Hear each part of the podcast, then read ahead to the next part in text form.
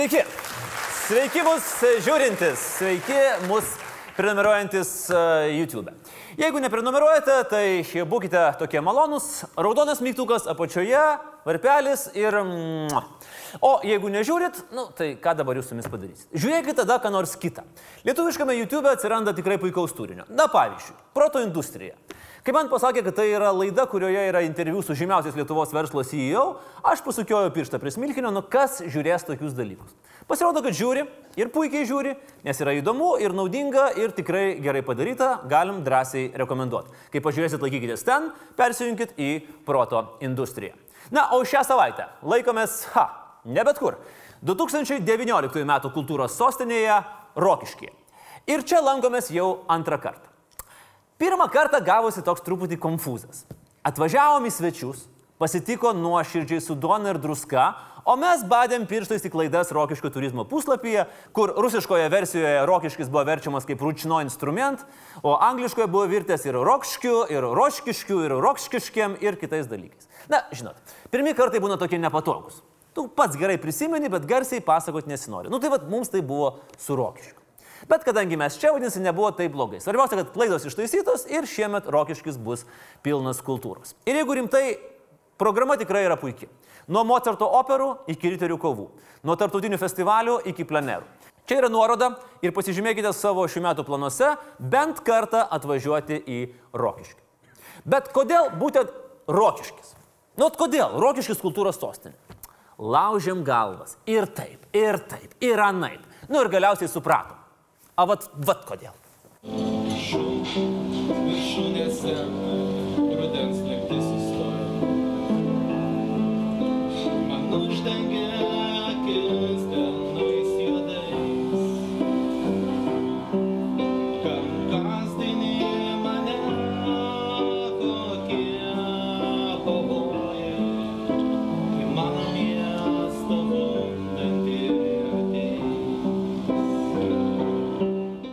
buvo Rokiškio meras.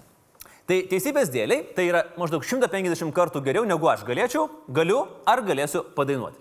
Ir kadangi meras yra multikultūrinis, tai ir kultūros sostinė, ir jis ne tik tai groja ir dainuoja, bet dar ir deklamuoja. Pasmauk mane, tik tai neperleisk, neperleisk niekam, sunaikink mane ir leisk nors akimirkai nušvisti to, ką turiu ir to, ko neturiu. Pasmauk mane, sveikina saviškius meras. Meras mėgsta šiurkščiai, kaip suprantu. Na, o norinčių kovo mėnesį politiškai pasmaukti merą vagoniai netaip ir mažai - šeši. Pats meras prieš maždaug metus išėjo iš socialdemokratų partijos, oficialiai spaudoje pareiškęs, kad išaugo jos kelnaitės. Meras su per mažom kelnaitėm ir dar tas pasmauk mane, tai toks įdomus signalas rinkėjams. Bet, žodžiu, kaip suprantu, dabar Rokiškė meras be kelnaičių, olele, ir kandidatuoja su komitetu labai originaliu pavadinimu Antano vagonio komitetas. Ir čia, laikykitės, ten antrą kartą Rokiškė lipa ant to paties grėblio. Eina pažiūrėti, kaip atrodo komiteto puslapis internete. Programa atrodo solidžiai. Tiesa, parašyta tokia specifinė lietuvių kalba. Joje sakoma, kad Rokiškėje būtina saugoto istoriją, pritrūkti investicijų, Pirmą kartą matau politiką, kuri žada pritrūkti investicijų, sukurti infrastruktūrą. Nežinau, kas yra infrastruktūra, bet Rokiškis pirmasis tai sukurs. Žodžiu, kaip norim, tai prašom. Rokiškis kultūros sostinė 2019. Nors turbūt gal reikėtų labiau tapti Lietuvos gramatikos sostinė 2019. Darosi smalsu, kas yra mero vagonio komiteto kandidatai. Spaudžiam, žiūrim. Kandidatai į tarybą ir pats pirmas yra Lorem Ipsum. Nu, kažkur girdėta pavardė. O šiaip čia yra fiktyvus tekstas naudojamas grafinio dizaino pasaulyje, kai puslapis yra neparuoštas ir tu dar tikrai nenori jo niekam rodyti. Na, bet Rokiškio taryboje bus pirmasis pasaulyje Lorem Ipsum tavo atstovas mieste. Mere, jeigu jūs dar kam nors ir pinigų žadėjot už savo komiteto tinklalapį, tai žinokit, nemokėkit ir jūs truputį apgau. Bet pakaks apie merą. Galbūt jis šiek tiek keistas, dar tos kelaitės nepamirškim, bet per ketverius metus nekratytas STT, nesulaikytas, nenušalintas, nepasodintas ir neprisidirbęs. Tai bendram Lietuvos savivaldos kontekste, nu, vobičas. Bet gal kiti šeši yra dar labiau vo. Na, kaip ten bebūtų, naujam ar senam merui reikės spręsti vieną keiščiausių rokiškio krašto situacijų - vadinamąją indų dilemą. Rugsėjai buvo paskelbta, kad dvi Indijos bendrovės užpils rokiškį babkiam. Va taip, mėtis pinigus. 200 milijonų eurų įmes į rokiškį ir sukurs pusantro tūkstančio darbo vietų. Spalį meras dar galvojo, kad pasirašant susitarimą su indais jį filmavo slapta kamera. Beje, fantastiška idėja. Lapkritį buvo laukiama žinių iš saugumo, ar čia ne aferistai. Sausį paaiškėjo, kad lyg ir ne aferistai, bet dabar jau renkasi iš aštuonių savivaldybių. Tai net meskim ir to varianto, kad merų iš pradžių reikės pervesti 100 dolerių į nurodytą PayPal sąskaitą, o jau tada ateis 200 milijonų investicijų. Ir čia galės būti naujas rokiškio himnas.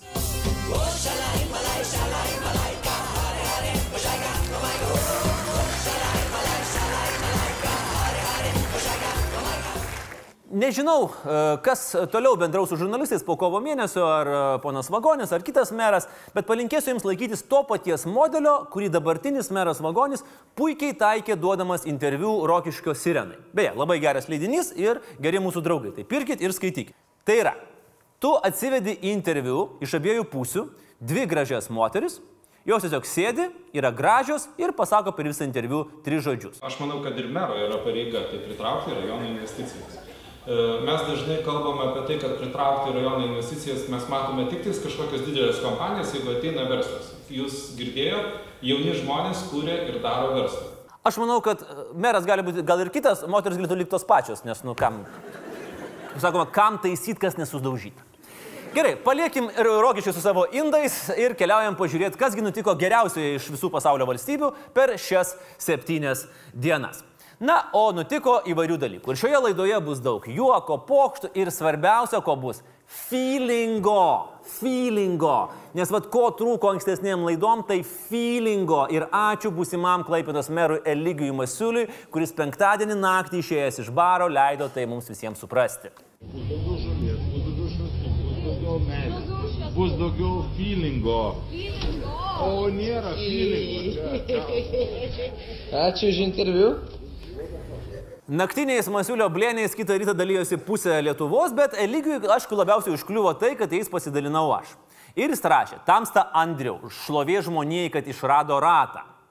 Pradėjo savo tiradą Eligijus, o baigė žodžiais, žurnalistui visi veidrodžiai vienodi. Turėtų būti. Deja, taip in. Kas, kur, kodėl. Visuomeniai irgi kyla tie patys klausimai. Kas, kur, kodėl, na, bet čia jau atsakys teismas. Savaitgalio nuotykiai po du nevaikšto. Sausio 13-osios išvakarėse Eligijus savo Facebook'e parašė, aš prisimenu, kodėl esu laisvas.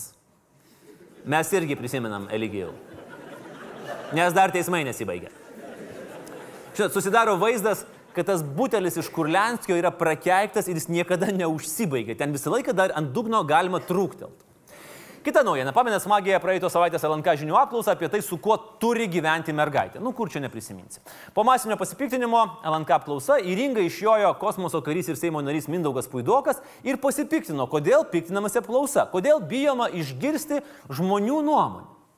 Aš absoliučiai sutikau, kad žmonių nuomonę reikia išgirsti ir mes paklausėm tautos, kam turėtų atitekti Seimo narys Mindaugas Puidokas. Naujai šeimai Norvegijoje ar Sirijos sektos valdovui, kuriam jis priklauso. Ir žinokit, neapdairiai pažadėjau apklausos rezultatus paskelbti nacionaliniam dienraštį, jeigu balsuotojų būtų daugiau nei 10 tūkstančių. Per dieną buvo daugiau nei 10 tūkstančių, teko suktis. Bandėm paskelbti valstiečių laikraštyje.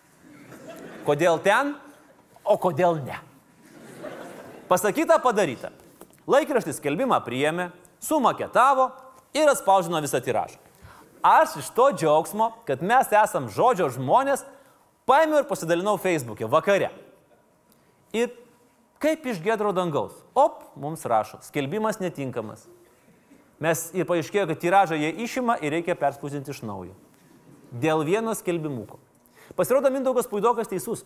Bijoma žmonių nuomonės. Ir žinot, kitas diena kolegos nuėjo nusipirkti naują numerį valstiečių laikraščių, nes nu, mes taip darom, einam, perkam valstiečių laikraštį. Kad ir be skelbimo. Tiesiog pavartyt, nu gal kažką naujo sužinosim. Maksimoje nėra, Narvis ten sakė, kažkaip keistai šiandien vėluoja. Ir, žodžiu. Žinokit, aš suprantu, kai valdžia uždraudžia opozicinę spaudą. Nu, čia yra normalu. Bet kai valdžia uždraudžia savo spaudą, va čia jau yra naujas lygis. Valstiečiai naikina spausintą valstiečių laikraštį, čia jau yra inception lygis. Prezidento rinkimai. Čia mes turim bėdų. A, Mes, Latvijos TV. Mes gavom raštą. Gavom raštą rimtai iš advokato, kurio klientas Alfonsas Būtė registravosi kandidatuoti į šalies prezidentus. Advokatas piktinasi tuo, kad Alfonsas nebuvo pakviestas į naujametinę laikykitės ten laidą ir reikalauja atkurti teisingumą. Aš dabar kalbu visiškai rimtai. Advokatas reikalauja mūsų laidoje parodyti būtę. Na, aš teismų nenoriu, pakaks. Alfonsai, mes tikrai labai labai atsiprašom, mes tikrai būtume jūs tikrai tikrai pakvietę į naujametinę laidą. Problema, kad mes apie jūs sužinojom pirmą kartą tik tai gavę advokato laišką. Nu, nieko tokio. O faktą, kad skvernelį Rusnėje pramušė ant šnekumo ir jis išplėpėjo prašiausiai slėptą pas- paslapti, kad kandidatuos į prezidentus, net negalima pavadinti rinkimų naujieną, nes visi ir taip jau žinojo. Savaitės kriminalai.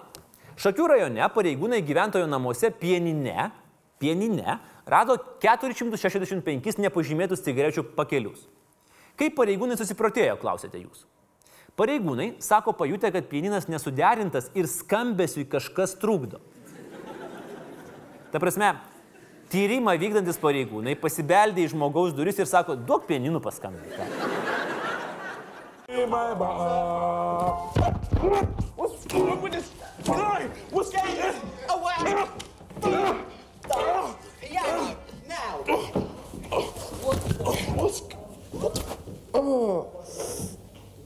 Oh,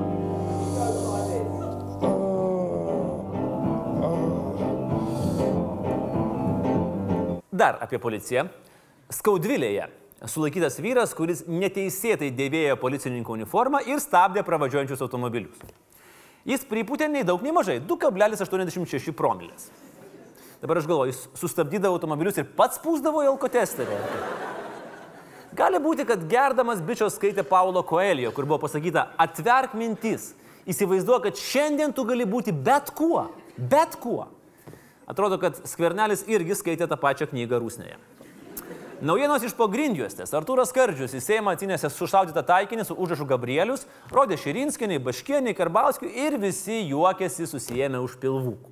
Po to juokėsi jau mažiau, po to visai nedaug, o po to šliurpčiojo, rijo ašaras ir teisinosi, kad sindikatas irgi šitaip darė. Monelytės veidų slėpėsi besija, per daug gera, kad galėtumai mesiją. Svajoji besija, besija, nors vėdam. Įrankėsi su kuo ir jai dėl to nekiek negėda. Atvaizdas išvežtas revolverių rankenose, akis be ugnės ugnies pažvelg deksijose.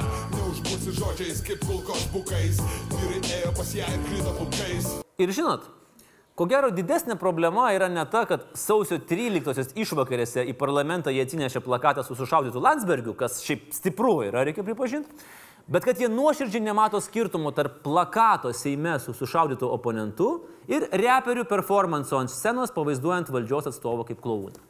O skirtumas yra toks pat kaip gatvėje primušti praeivį ir teisintis, kad filme Sygalas irgi taip darė. Iš karto po sausio 13-osios per tris Baltijos šalis nusirito daugia tūkstantiniai mitingai palaikantys sulaikytą Algirdą Paleckį. Na gerai, gal net daugia tūkstantiniai, sakykime, tūkstantiniai. Nu, gal labiau šimtiniai. Nu, tiesą sakant, jeigu pasižiūrėjus, tai labiau dešimtiniai.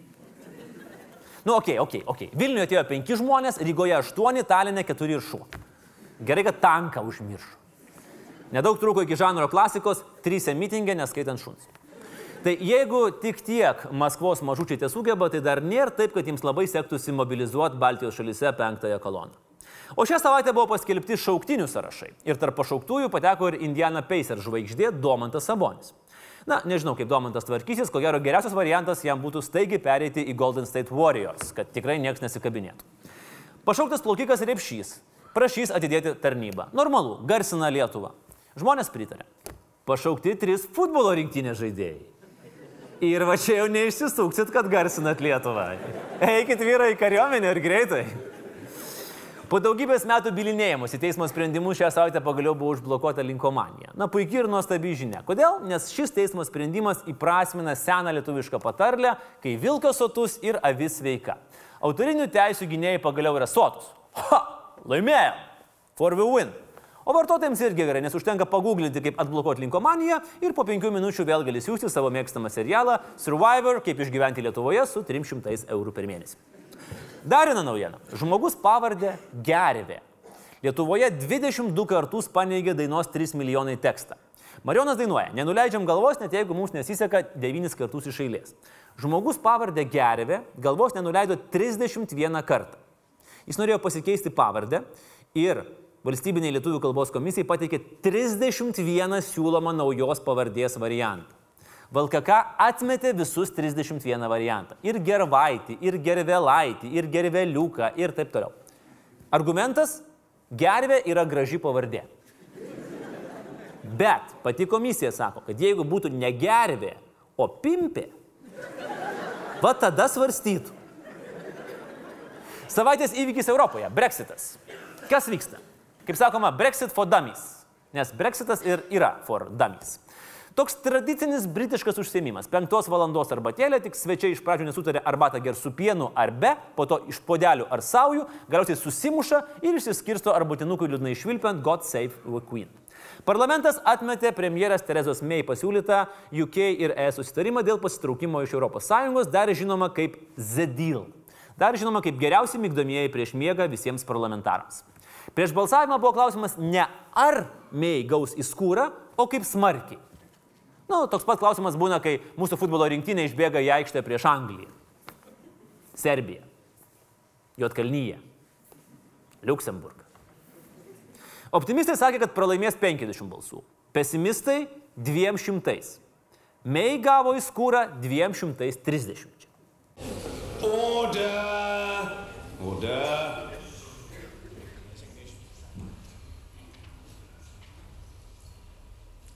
The eyes to the right, 202. The nose to the left, 432. Žinot, pesimistai irgi būna pernelyg optimistiški. Lietuviai, pavyzdžiui, kasmet nubalsuoja už dainą, kurią nori siūsti į Euroviziją, bet kai jį nelaimi, tai galiausiai paaiškėja, kad absoliučiai niekam jinai ir nepatiko. Kas dabar bus? Realiai turbūt nieko. Leiboristai mėgino pareikšti nepasitikėjimą vyriausybei, prakišo, patys konservatoriai mei nuvers negali, nes tai bandė padaryti prieš mėnesį, apsijokė ir dabar to negali daryti metus. Antrą referendumą irgi atrodo daryti rizikinga, nes apklausos rodo, kad norinčių pasilikti ir norinčių palikti ES santykis toks pat kaip ir prieš pustrečių metų, maždaug pem ant pem. Persidėrėti iš naujo su Briuseliu neišeis, nes ES jau pasakė, ko jūs norit? Ko jūs norit? Jūs pasakėt, kad jums reikia Z-deal. Va, prašom, Z-deal. Na, nebent persidėrė dėl kokių nors kosmetinių dalykėlių. Na, pavyzdžiui, ar Anglijoje gyvenantiems lietuviams bus galima balsuoti už Lietuvą Eurovizijoje po Brexito, ar nebus.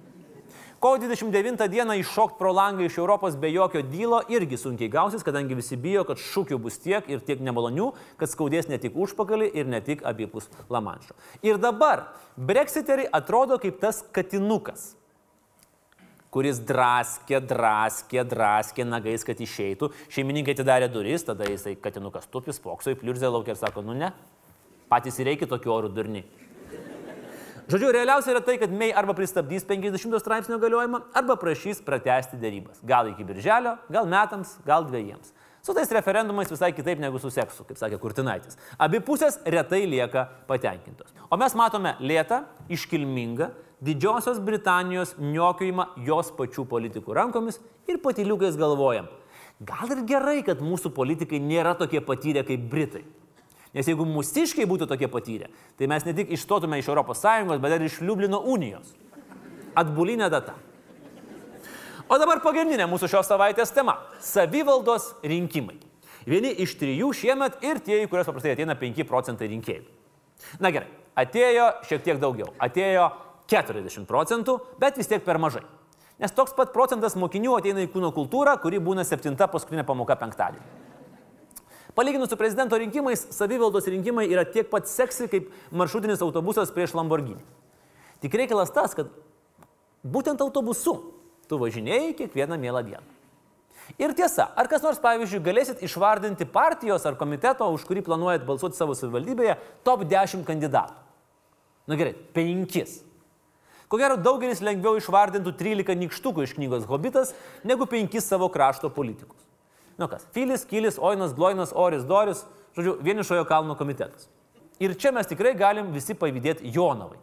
Pas juos visi žino, kad reikės balsuoti už Sinkevičių. Vyresnį, jaunesnį, nesvarbu, dzin. Ką daro Jonavos oponentai? Buvęs liberalas Osauskas susirado Sinkevičių. Tokį atsitiktinį. Ir dabar eina su komitetu su Sinkevičium ir Osausku. Šiaip skamba ne kaip komiteto pavadinimas, o atsakymas į policininko klausimą, su kuo geriai. Su Sinkevičium ir Osausku pareigūnė. Pernai portalas Alfa paskelbė geriausią mero rinkimus. Na, žinot, būna alfa vyrai, alfa patinai, o čia rinko alfa merą. Ir prasidėjo tiesiog super įvykis, kurį būtinai turi laimėti mūsiškis.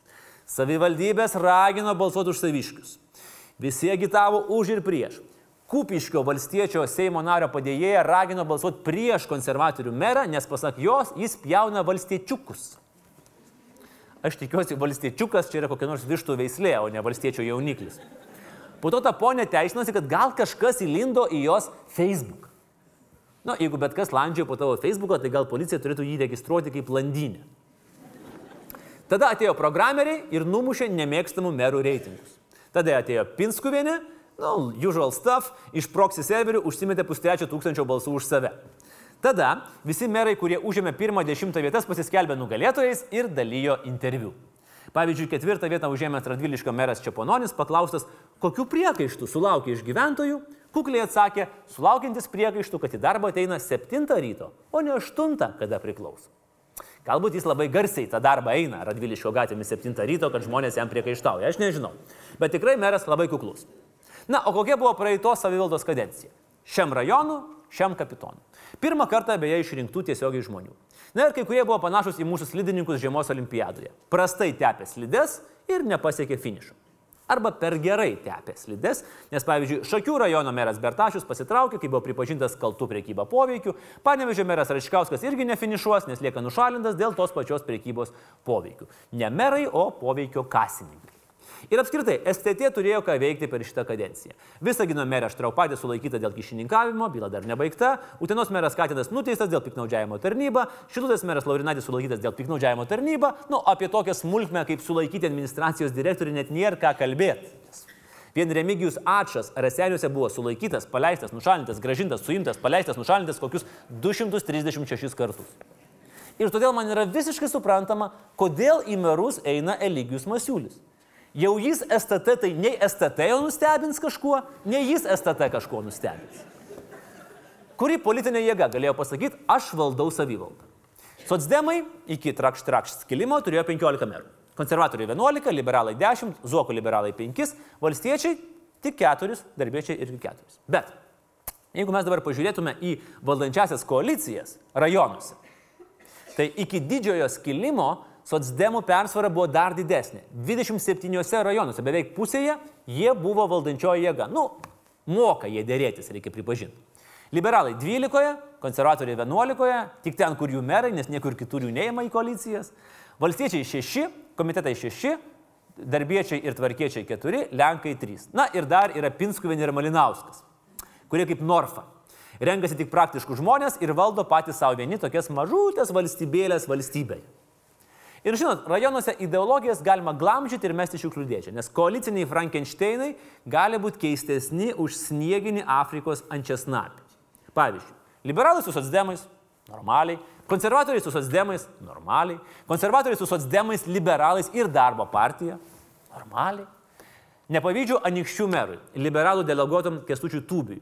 Jo liberalai nepatenkinti išėjo į opoziciją ir dabar jis dirba su fantastišku kolektyvu, kaip iš Kusturicos filmų nužengusių čigoniško ansamblių. Konservatoriai, darbiečiai, du puteikio remiami komitetininkai, vienas liberalas ir trys valstiečiai, kurie pasakė, kad, nu, jeigu mes esame valdžioti, mes norim būti valdžioti.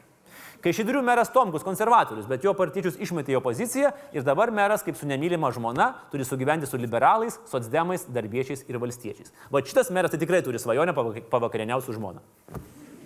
Po kovo trečios situacija keisis. Nebejotinai. Socdemai suskilo, liberalai subirėjo, zuokininkai vos kvepuoja, valstiečiai pasiruošė dideliam šuoliui, konservatoriai kaip visada neturi draugų.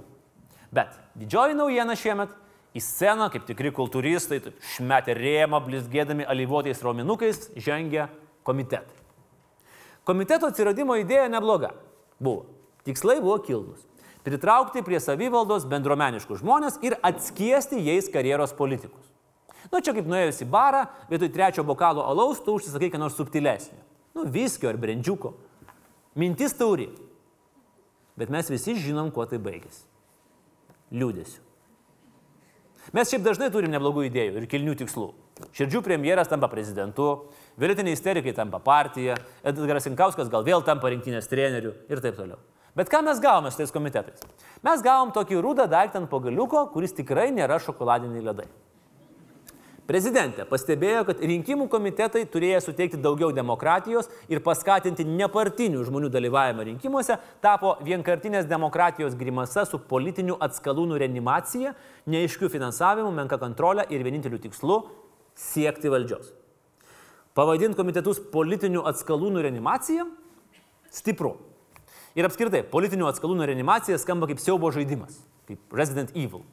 Taip kad jeigu norit išvysti politinių atskalūnų reanimacijos žaidimą, spauskite apačioje subscribe, prenumeruokit ir kai mes surinksim 100 tūkstančių prenumeratorių, Laisvės TV padarys tokio žaidimo versiją. Pažadu, mes žodžio žmonės. 14 metais komitetų visoje Lietuvoje buvo 58. Dabar jų rinkimuose dalyvaus beveik dvigubai daugiau. Ir už daugelio stovi tie patys politiniai atskalūnai. Oficialus skaičius buvusių partinių, kurie sukūrė savo komitetą ir eina apsimetę, kad čia jie ne prie ko, į rinkimus yra belenkiek. Pavyzdžių? Oi, prašau. Nepartinė tauragė. Visas komitetas pilnas prištabeliuotas buvusių tvarkiečių ir buvusių socdemų išrinktų pagal sąrašą į tarybą. Pagėgiuose trys komitetai pilni, kaip troleibusas piko metu partinių pabėgėlių. Vienas jų vedamas paties fantastiškojo Kesto Komskio su jo nuostabiu plakatu. Akivaizdžiai, Komskių visa šeimina labiau kates, o ne šunis mėgsta. Ir šiaip šūkį reikėtų patikslinti. Drąsiai pelės bėginėja, kai katės namie nėra, o brolis šunį nušovė. Kiek liberalų yra išbirėjusių, tai neužteks rankų pirštų. Vilnius su Šimašium, Varėna su Kašėta, Palanga, Klaipėda, Nikščiai, visi nepartiniai, visi visuomenininkai, blin. Jonavoje, kai kurie liberalai net jau su minėtų Sinkevičium jaunesniuoju nuėjo. Aš nežinau, ar šitą kompaniją Širvintų žyvilė ir Lasdijų Margelis piešiasi, nes jie seniai jau gyvena atskirus nuo partijų gyvenimus. Gal ir gerai. E, tarp kitko, mažiausiai nuo komiteto nukraujavo būtent populiariausios partijos - konservatoriai ir valstiečiai. Na, komitetai ar ne, bet žiūrim, kas mūsų laukia savivaldos lenktynėse. Didmiščiai. Na, čia įdomiausias Vilnius. Prie starto dėl Vilniaus mero posto trypčioje 15 profesionalių politikų. Atkreipiu dėmesį, kad žodžius profesionalūs politikai aš vartoju labai laisvai. Šimašius ketverius metus norėjo, stengiasi, o patarlė vis tiek prilipo nori šimašių mušt, lasdą rasi. Pirmus dviejus metus hashtagino, kad smagu, po to liovėsi, nes pasidarė nebesmagu ir dabar deda ironiškus katinukus. Jeigu nebesmagu, kam tada eiti merus? Kitas amžinas meras, metų vlogeris, Gedimino pilies gyventojas Artūras Zuokas. Na, šį kartą jam tikrai paės. Gal pavažiuos. Zuokas visiems žada nemokamą viešai transportą Vilniuje ir į savo Facebooką deda štai šitą nuostabią nuotrauką. Kaip jaučiasi internetas, kai mato su peintu ant autobuso užpieštus logotipus, neaišku. Kaip jaučiasi Vilniaus autobusų parkas, kai mato, kad Zuokas reklamuoja autobusus lenkiškais numeriais, irgi neaišku. Zuokui turėtų padėti ir jo partijos sąraše kandidatuojantį vyriausioji Lietuvos raganą Viliją Lobačiuvienį. Žodžiu, jeigu Zuokas taps meru, nu bus magija, ne kitaip. Dabartiniam merui iššūkį dar meta jo buvęs partietis liberalas Martinas Nagevičius, kuriam labai nepatiko, kad laikykitės ten per naujus metus nausėdą su šimonytė kėlė po nealkoholinio alaus bokalą. Viktoras Uspaskikas, kuris žada tikrai atsakyti už bazarą, jeigu bus išrinktas meru. Dainius Kreivys paustina kamščių nuotraukas ir žada, kad jų nebus vos ne kitą dieną, kai tik jis išrinks. Dar yra toksai Remigijus Extreme Makeover Vilnius Edition Žemaitaitis, Gintotas Palutskas, kuris praeitą kartą boldino savo vardą raidės tauta, Dabar matyt teks valdinti raidės lak. O jeigu ir lak nepaeis, visada lieka alus Gintauto Palūsko varde. Valstiečiai meta jauną ir simpatišką ministrą Sinkevičių, bet ne tą, kuris kas rytą žiūri į prie veidrodžio prikliuotas kai kurių jų partiečių nuotraukos ir klausia savęs, ką aš su šita hebra darau. Na, dar turėtų būti visur kandidatuojantis puteikis. Sveikinam Naglį, kurio kredito reitingas šį kartą leidžia dalyvauti net keliuose rinkimuose. Mūsų prognozė - antrame turė Šimašius ir Zuokas, kas laimės, galite pamatyti vizijose nakvodami ant Gedimino kalno. Dar Vilniuje yra Dariaus Kuolio vadovaujamas komitetas Lietuvos sąrašas, kuris pavėlavo užsiregistruoti rinkimų komisiją. Kolys aiškino, pasirodo, jų atsakingas žmogus yra labai labai doras. Smulkus verslininkas, kuris labai daug dirba ir labai pavargęs nesuprato, kada yra rinkimų deadline'as. Gal vis dėlto jūs nesiverškit mūsų valdyti, jeigu jūs tokių dalykų nesugeba. Na, o VRK patvirtino savo panašumą į traukinį, jie abu vėluojančių nelaukia. Tai sąrašo kandidatai perbėgo į bendruomeniško Vilniaus komitetą, kuriame yra labai įdomi publika.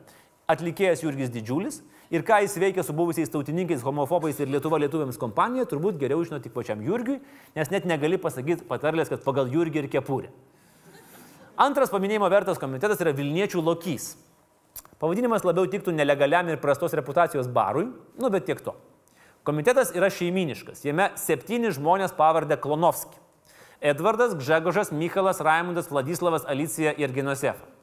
Toks, žinot, Jurgio, Antano, Loizo ir Martino variantas. Nu, su programa irgi vyručiai nepersistengia. Gerbiami Vilniečiai, kaip visuomeninis rink- rinkimų komitetas Vilniečių lokys, mes siūlome paprastą, bet žmogišką ir lengvai įsimenamą programą. Viešą transportą, kuriuo nori įsivažiuoti, miestą, kuriame nori įsigyventi ir valdžią, kuri at- atsakinga prieš gyventojus, o ne prieš ideologijas. Va. Ir viskas, ir užtenka. Dėmesio vertas buvo ir komitetas piliečių jėga ir teisingumas su Petru Gražuliu. Buvo, kol VRK nepanaikino registracijos dėl nepakankamo narių kiekio. Na, negali sakyti, kad Lietuvoje situacija negerėja, kai Gražulis nesusirenka savo bendražygių, progresas yra jaučiamas. Žodžiu, Vilniuje bus įdomu. Kaunas, na, čia intrigos mažai. Laimės Matijo Šaitis. Visi kiti kandidatai tik dekoracijos. Net ir vardinti neverta. Įdomiau tai, kad visas Kaunas yra už Visvaldą, bet jūs paprašykit kauniečių išvardinti didžiausius mero darbus. Ir tada jų veidai bus tokie.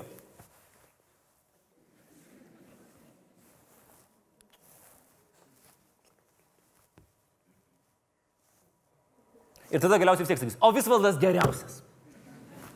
Kaunas yra Kaunas. Uostamiestyje bus liberalų mūšis. Buvęs liberalas Vytautas Grubliauskas Kongas, nurašytas liberalas Simonas Gentvilas ir korumpuotas liberalas Eligijus Masiulis. Žodžiu, Mėmeliui bus liberalės.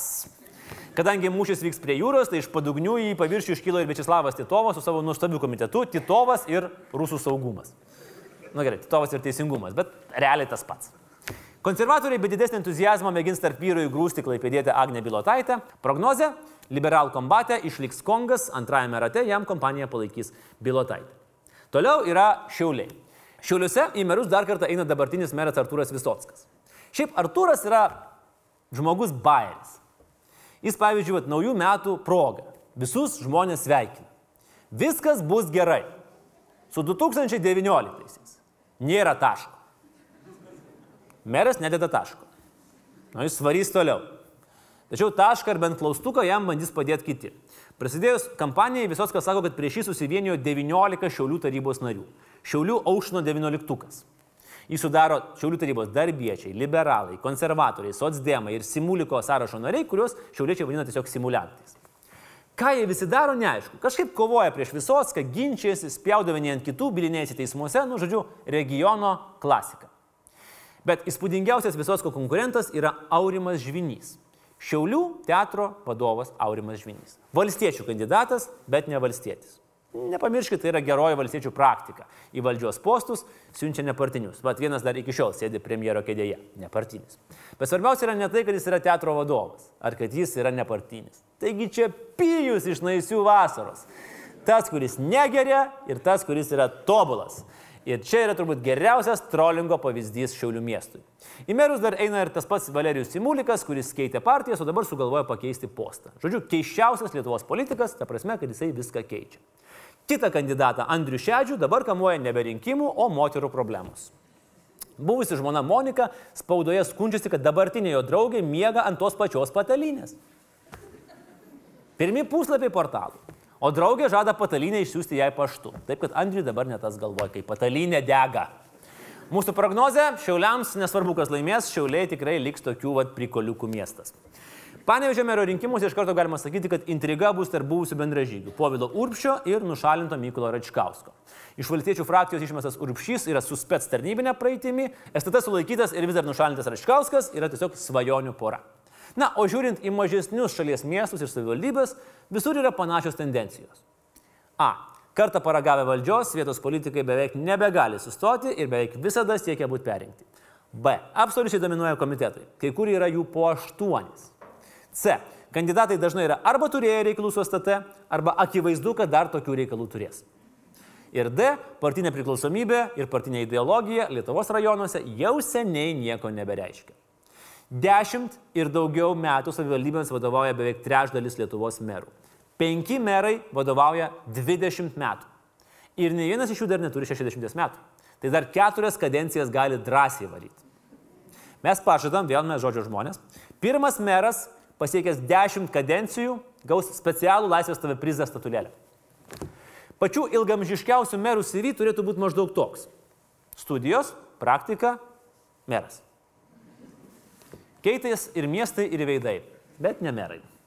Ir tik tai kelios išimtis iš šio užsisėdėjimo. Marijampolės ponia Irena Lunskinė nusprendė nebesiekti būti Marijampolės mere, ją postą pakeisti taikosi praėjusią mūsų laidoje apdainuotas Povilas ir į miestą ir į sodą, mes keliausim su į sodą. O Alitoje nusprendusi nebekandidatuoti į Vytauto Grigaravičiaus kabineto raktus, perimti labai norėtų toks ponas Česlovas Daugėla, atitinkantis visus išvardintus rajono požymius ir gerasias praktikas. Česlovas turi savo rinkimų komitetą pavadinimu Žinau ir galiu. Česlovas Daugėla. Man skamba ne kaip komitetas, o kaip savęs padrasinimas prieš chemijos kontrolinį 9 klasėje. Beje, Daugėla tokį komiteto pavadinimo pasirinkimą paaiškino tuo, kad jis tikrai žino ir gali. Nes Alitaus merų jis jau buvo 70 metais, bet ten gan liūdnai baigėsi, nu, kaip liūdnai, standartas. Piknaudžiavimus tarnyba, dokumentų klastojimas, kyšis, antrankiai, STT palyda, teismas, bauda. Nors jis aiškina, kad viskas buvo tik iš gerų norų mylimam miestui, o teismai ir STT buvo oponentų surežisuotas klasikinis politinio susidarojimo spektaklis. O jis vargšas tik veikė, kaip buvo įpratęs versle.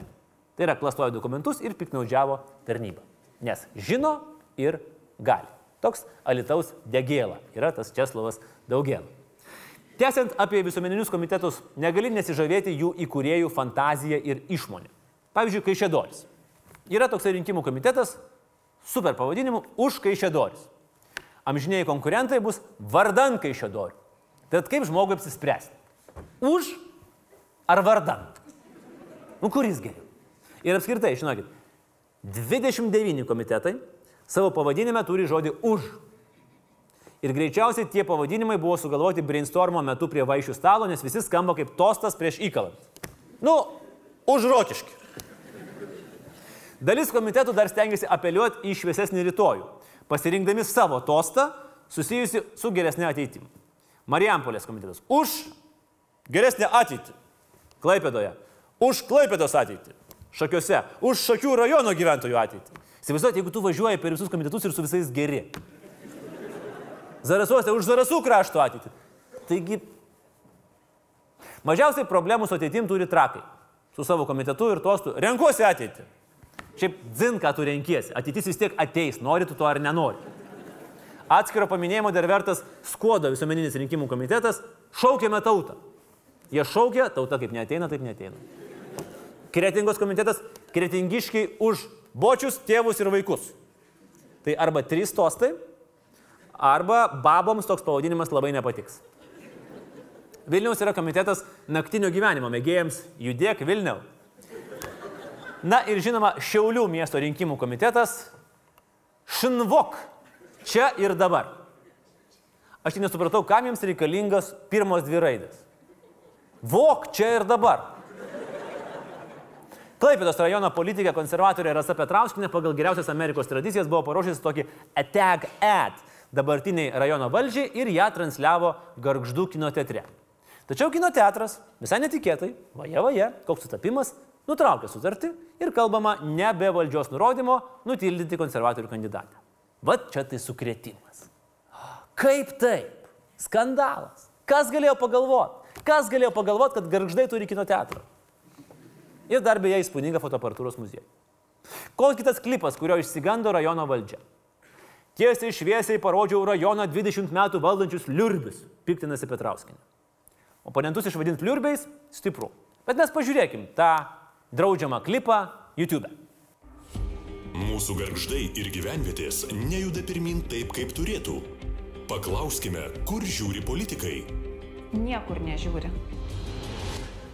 Ne visi tokie. Mes konservatoriai galvojame apie ateitį. Jei apie ateitį galvojate ir jūs, rinkimuose eikime iš vien. Nu ką žinau. šeši žili vyriškiai su raiščiais ant akių ir blondinė.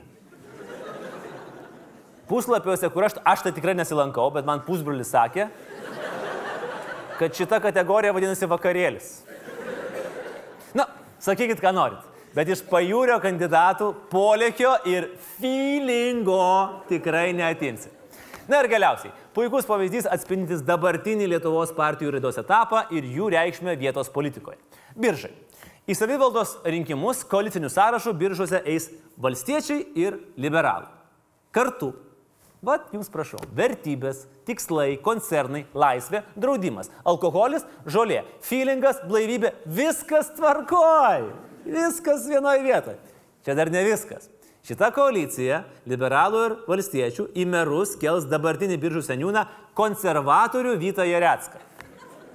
Astrofizikai ir futurologai vieningai sutarė, kad valstiečiams kartu su liberalais į merus delegavus konservatorių pagaliau gali būti pasiektas singuliarumas.